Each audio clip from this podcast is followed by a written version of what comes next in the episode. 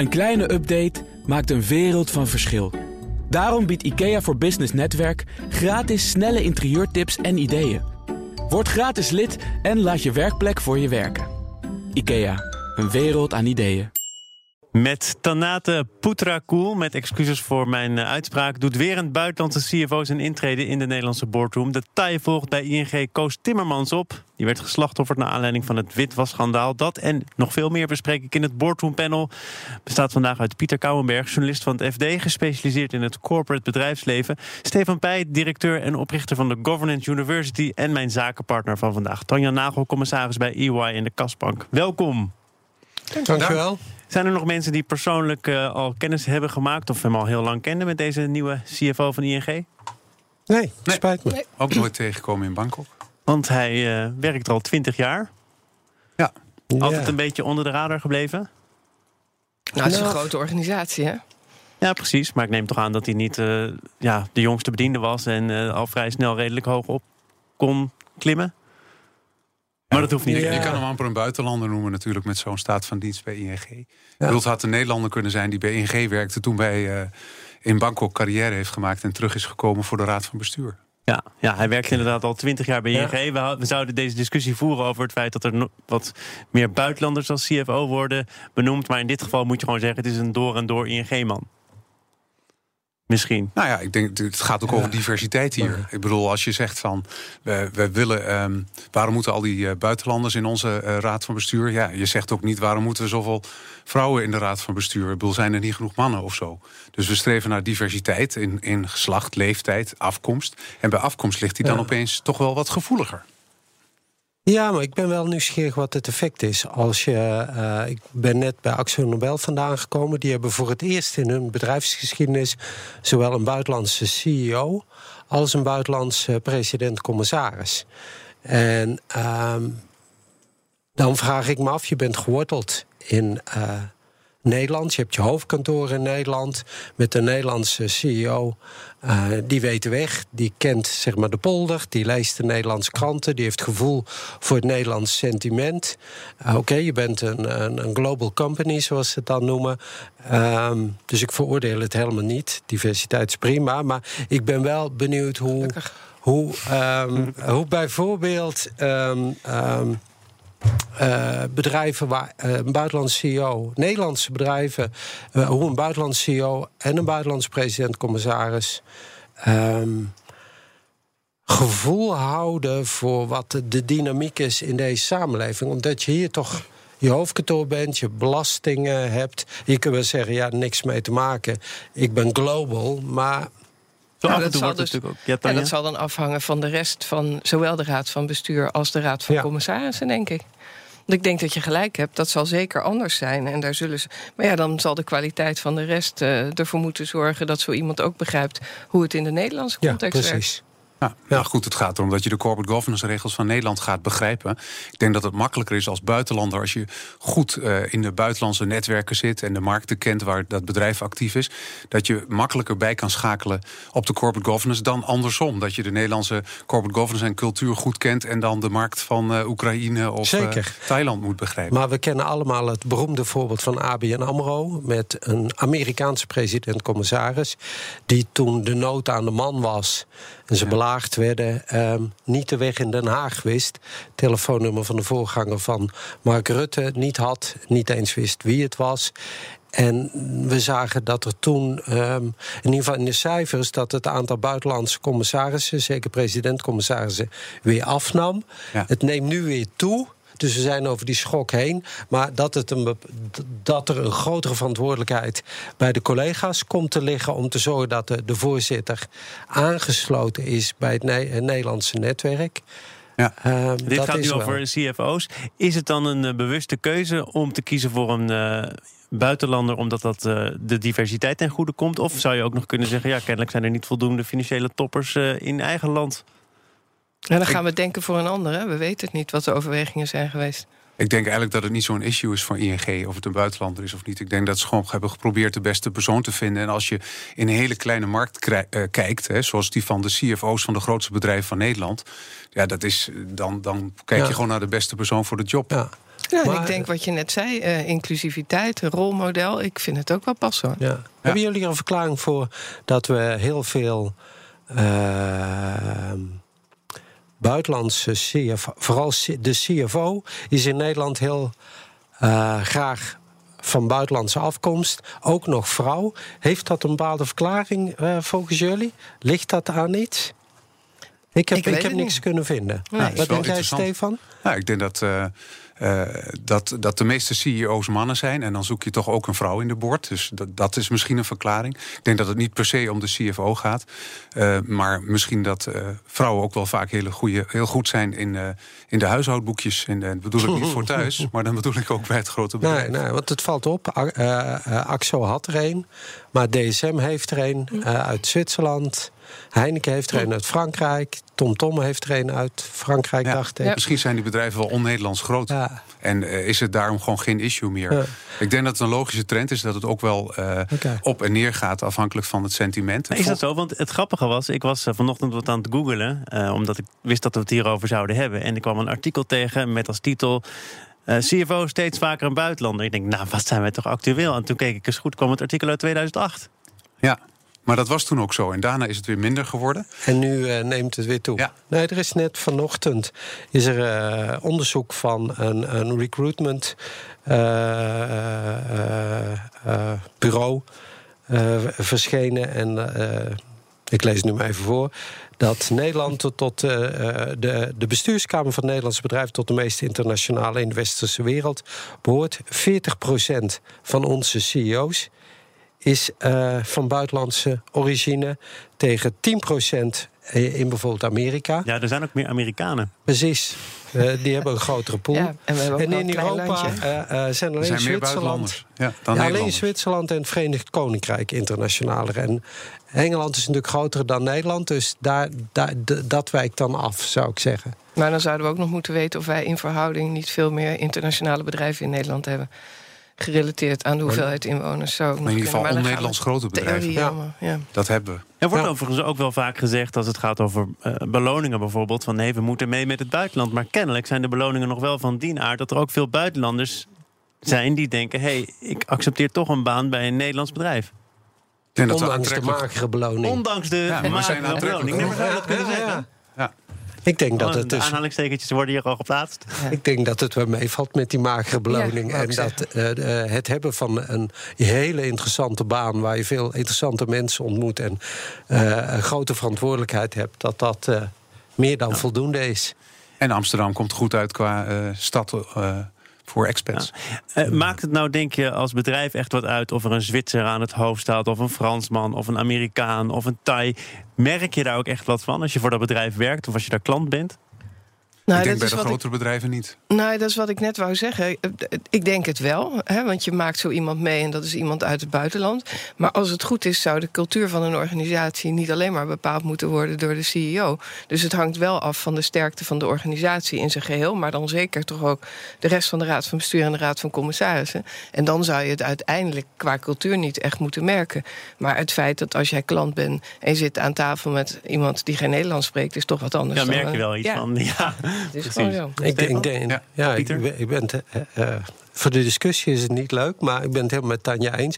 Het maakt wel degelijk volgens mij uit uh, wat uh, de culturele afkomst van, van, van de topman is. Of je uit Amerika komt of ehm, uit Zweden of uit Nederland. Kijk, in Nederland ehm, ik heb zelf twee maanden in Duitsland uh, gewoond en gewerkt. En wat me opviel, het grootste verschil in, in uh, cultuur tussen de Duitsers en Nederlanders bij ons op de redactievloer was dat um, um, wij vergaderen niet zo lang.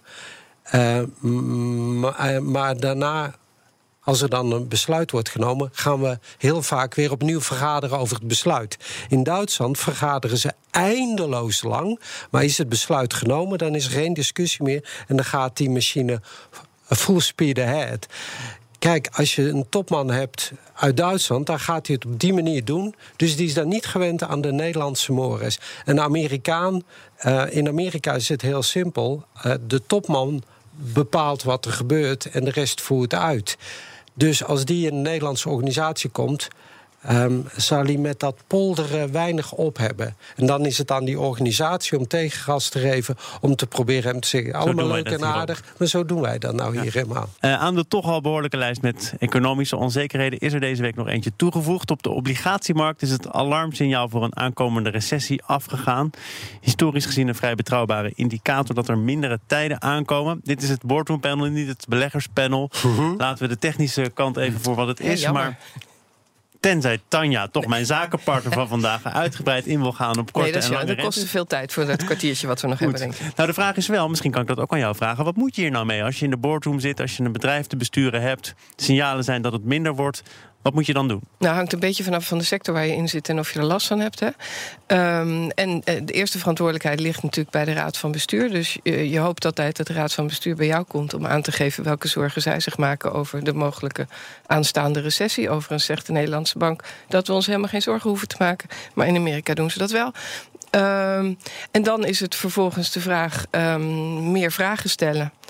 Uh, misschien wat vaker vergaderen, maar toch voorlopig de raad van bestuur uh, zijn gang laten gaan. En naar wie moet je luisteren? Ik bedoel, we krijgen allemaal verschillende signalen. En dan bedoel ik dus de Nederlandse Bank, eh, de Fed, ECB. Eh, misschien je eigen branche waar het eh, wat minder goed gaat dan voorheen. Wanneer wordt het echt tijd om signalen serieus te nemen? Behalve altijd. Ik zou zeggen, neem ze allemaal tot je. Uh, blijf vooral nadenken en maak meerdere scenario's.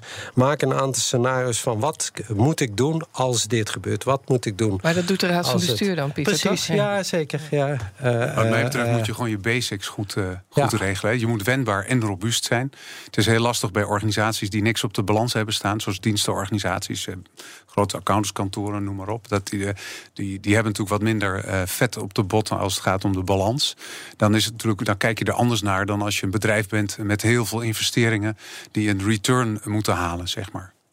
En ik zou als er heel veel onzekerheid geen grote transformerende overname doen. Want dan heb je het risico dat je los van heel veel energie die je in het uh, veroveren van die overname hebt, dat dan um, uh, de wereld uh, instort. Ja, dus de echt grote projecten moet je, even laten? Dan, dat, ik, ik zou daar wel heel voorzichtig mee zijn. Ja, dat zou ik in ieder geval de Raad van Bestuur adviseren. Ja. Ja. Er is wel één ding waar ik me een beetje zorgen om maak... is dat de uh, Raad van Bestuur en uh, commissaris van Nederlandse bedrijven... toch wel steeds, uh, blijkt althans, heel lastig vinden... om heel goed naar stakeholders te luisteren. En die geven toch de beste signalen. Dus ik denk dat we daar het hardst aan zouden moeten werken... is dat we die kanalen verbeteren. het lastige is natuurlijk dat die stakeholders geen eenduidige signalen geven. Dus je moet daar een balans tussen maken. En uh, soms luister je naar degene met uh, de meeste invloed op jou, namelijk degene. Uh, die jouw reken salaris betaalt. En het tweede is. Um, soms luisteren ze natuurlijk naar datgene wat ze het zelf het, het, het liefste convenieert. Wat het beste bij hun eigen plan past. Ja. ja. maar dat geeft dus ook aan dat je moet zorgen dat je met enige regelmaat met alle stakeholders in contact bent. Zodat het moment waarop er een crisis of, of uh, iets vervelends gebeurt, je niet opeens moet gaan bedenken. En wat vinden ze er eigenlijk van? Ja. Maar dit is toch, uh, Stefan, helemaal geen nieuw pleidooi. Sterker nog, er wordt toch al jarenlang gezegd... luister naar je stakeholders, dat is belangrijk. Ja, het gaat, niet, dus niet. Gaat, gaat niet zo heel goed. En ik denk dat het ook alleen maar moeilijker wordt... omdat we eh, wat anglo-saxischer worden in onze cultuur. Dus de neiging hebben om steeds meer onze aandeelhouders te gaan luisteren. Oh, en dat is natuurlijk een superbelangrijke stakeholder. Alleen, eh, volgens mij staat in de Nederlandse wet... dat we de belangen van stakeholders moeten afwegen. Tanja, ik zag jou een beetje fronsen. Ja, nou, ik denk dat als je ziet wat er met, uh, met de governance code en alles wat er besproken wordt, dat dat op zich wel meevalt. Ja. Um, maar denk je dat het in de praktijk ook uh, gebeurt?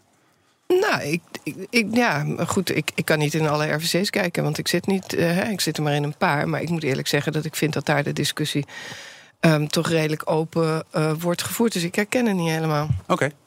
nou, blij om te horen. Mijn, mijn ervaring zelf is, maar goed, als journalist zijnde en niet zelf in zo'n bestuurskamer zitten, dat, dat wat Tanja zegt klopt als het goed gaat.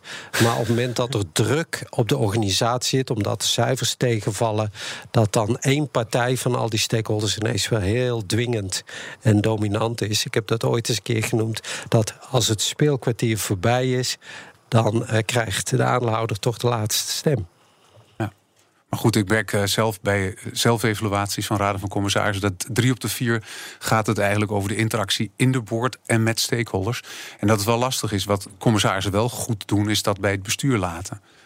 En dus dat is, dat is natuurlijk wel belangrijk. Alleen daar goede druk op zetten. Kijk, het gaat hier om, komt er een recessie of niet? En de ene recessie is de ander niet. Dus je kan het niet voorspellen. Dat betekent dus dat je alleen maar dynamisch kan zijn... en enorm actief kan zijn en je oor te luisteren leggen. We halen even onze gele hesjes tevoorschijn. Tot slot, want dat is een andere thema dat deze week tamelijk dominant aanwezig was. Wederom een sterk signaal dat er een kloof is in de samenleving. Een kloof tussen, ja, tussen wie? Daar moeten we het eventjes over hebben. Want is het vooral het volk dat zich afzet tegen de politiek? Of is er ook een rol voor grote bedrijven? Nou, om daar maar mee te beginnen. Moeten bedrijven iets met de onrust die er nu heerst? Bijvoorbeeld in Frankrijk, maar er zijn ook in Nederland mensen met gele hesjes. Tanja? Nou, ik vind dat het in eerste instantie een verantwoordelijkheid is de overheid en de manier waarop wij hier omgaan met de verschillen. En volgens mij is het grootste probleem als we het echt op Nederland betrekken, en dan niet zozeer die gele hesjes, want die doen nog niet zoveel in Nederland um, hebben een probleem dat niet iedereen in staat is om via het werk uh, zichzelf te kunnen bedruipen. Uh, we zien steeds meer mensen die wel werken, maar dan toch niet rond kunnen komen en helemaal gek worden van toeslagen en weet ik, door de bomen het bos niet meer zien en daardoor in schulden terechtkomen. Waar we denk ik echt gewoon uh, vanaf moeten. Moeten zorgen dat die mensen weer in een autonomie kunnen leven en zich niet alleen maar zorgen hoeven te maken over schulden. En daar moet je dan vooral de overheid voor aankijken? Nou, daar moeten ook initiatieven van bedrijven bij betrokken worden. Maar het is niet iets wat bedrijven als initiatief kunnen starten, denk ik. Ik ben betrokken bij het Schuldenlab eh, NL, waarbij een uh, aantal partijen bij elkaar gebracht zijn. En waarbij de bedrijven, met name verzekeraars, uh, corporaties, die heel veel cliënten hebben die in de schulden zitten, gaan helpen op een bepaalde manier. En ik denk dat dat ook goed is. Maar daar zal zeker ook een belastingstelsel bij horen, waarbij ze niet met allerlei toeslagen te maken hebben die ze weer terug moeten betalen als ze een paar uur te veel gewerkt hebben. Um, ik wou je even wat voorleggen. Je hebt in de jaren 30, 40 gezien dat bedrijven als Philips echt voor hun werknemers zorgden. Opleidingen, huisvesting, gezondheidszorg, ontspanning, voetbalclubs eh, enzovoort. Dat is toen uh, later steeds meer naar de overheid gegaan. Uh, die zorg voor die werknemer. Uh, de opvang als het minder ging. De overheid is dat nu aan het afstoten. Van nee, uh, mensen moeten voor zichzelf zorgen. En bedrijven ehm, pakken die rol in ieder geval niet op van oké, dan nemen wij wat meer verantwoordelijkheid voor ons. Ook zij zeggen, kijk naar de pensioenuitkering. Zou een werknemer dat nog willen? Je moet het zelf. Uh, ik denk dat er een deel is dat dat niet wil. En dat er een groot deel ervan is eigenlijk graag, ja. Maar zeg jij dan dat ze tussen wal en schip vallen, Pieter? Ja, precies. En de vraag is, wie, wie, springt, daar, wie springt er in dat gat... als we dat soort ongemak en uh, uh, zoals in Frankrijk en in Nederland zitten. Heeft het bedrijfsleven daar een rol in? Ja, of zeker. überhaupt niet? Maar ik denk een gecombineerde rol. Want als we. Ik denk dat we. Ik, ik ben een groot voorstander van het basisinkomen inmiddels, sinds ik daar wat meer in verdiept heb. Dat is een combinatie van wat de overheid zou moeten doen en wat voor een deel gefinancierd wordt uit de belastinginkomsten, dus ook weer vanuit het bedrijfsleven en, en individuele particulieren. Maar ik denk echt dat de autonomie van het individu belangrijk is. En dat ze ook weer niet afhankelijk moeten zijn als werknemer van een bedrijf of ze kunnen gaan sporten mhm. of niet. Mhm. Mhm. Lekker zelf bedenken of je dat wil of niet. En kunnen. Nou, ik denk dat de overheid uh, vooral marktmeester uh, aan het worden is. Dus misschien springt hij wel in dat gat tussen wel een schip wat jij. Uh, uh, beschrijft. En dan hebben we het meer over de externe toezichthouders en zo, die steeds meer gaan opleggen aan bedrijven. Hè. Dus uh, ook bijvoorbeeld, uh, we hebben het wel eens hier gehad over het probleem met het zien van witwassen door, door grote banken. En dat ze eigenlijk dat soort opdrachten steeds meer aan bedrijven geven. Ik denk dat dat met de gele hesjes mensen ook een beetje zo is. Ik vind het eigenlijk wel lastig om dat zo als een groep mensen te omschrijven. Want dat, is, dat zit overal dwars doorheen. Maar goed, als er een goede marktmeester is, dan is er goede concurrentie. En dan is er een goede prijs en een goed product. Dan hoop ik dat het voor iedereen uh, redelijk is. Want het gaat toch vaak over te dure uh, producten. Ja. Het feit dat er in Frankrijk wel dat grote massale protest is, komt misschien omdat een geel hesje daar ook verplicht is, overigens. uh, ja, iedereen heeft toch een geel hesje. Ja, dat scheelt toch wel. toch ook in de auto allemaal? Is dat zo? Hebben ja, dat verplicht? Dus. Ja. ja. Oké, nee, want ik, uh, ik was toevallig dit weekend in Frankrijk en ik zag overal op de dashboards een vrij makkelijke manier om te protesteren. Of in ieder geval te laten zien dat je het ergens mee eens of oneens bent. Dat mensen dat gele hesje hadden. Maar in Nederland is dat dus ook verplicht. Mm -hmm. uh, hier op de snelweg is het nog wat minder, uh, wat minder toonbaar. Maar zegt dat er ook wel dat er in Nederland ook echt nog aanzienlijk minder onvrede is? Dat er Nou, ik denk dat Frankrijk gewoon een historie heeft met dit soort dingen. En ze krijgen ook meer voor elkaar. Want het werd aangekondigd dat inderdaad die accijnsverhoging niet doorgaat. In Frankrijk is er gewoon een traditie van uh, staken, uh, de harde confrontatiepolitiek tussen, tussen arbeid en kapitaal. Uh, Je zag het een beetje stoppen bij de taalgrens in België. Ja. Het Franstalige deel gewoon meestemde en het Nederlandstalige of Vlaamstalige deel. Wij polderen, toch? Ja. ja. ja. De Dutch approach. Ik denk dat we een manier zoeken. Dank voor jullie aanwezigheid. En dat zeg ik tegen Stefan Pij. Ja, dat merkte ik. Van de Governance University, Pieter Kouwenberg, journalist van het FD. En speciale dank aan mijn zakenpartner van vandaag en ook van twee weken terug. En nou, je bent hier gelukkig heel vaak. Ik vind dat een genoegen. Tanja Nagel. Het inrichten van je eigen zaak is best wel wat werk. Daarom biedt IKEA voor Business Netwerk 50% korting op interieuradvies. Word gratis lid en laat je werkplek voor je werken. IKEA, een wereld aan ideeën.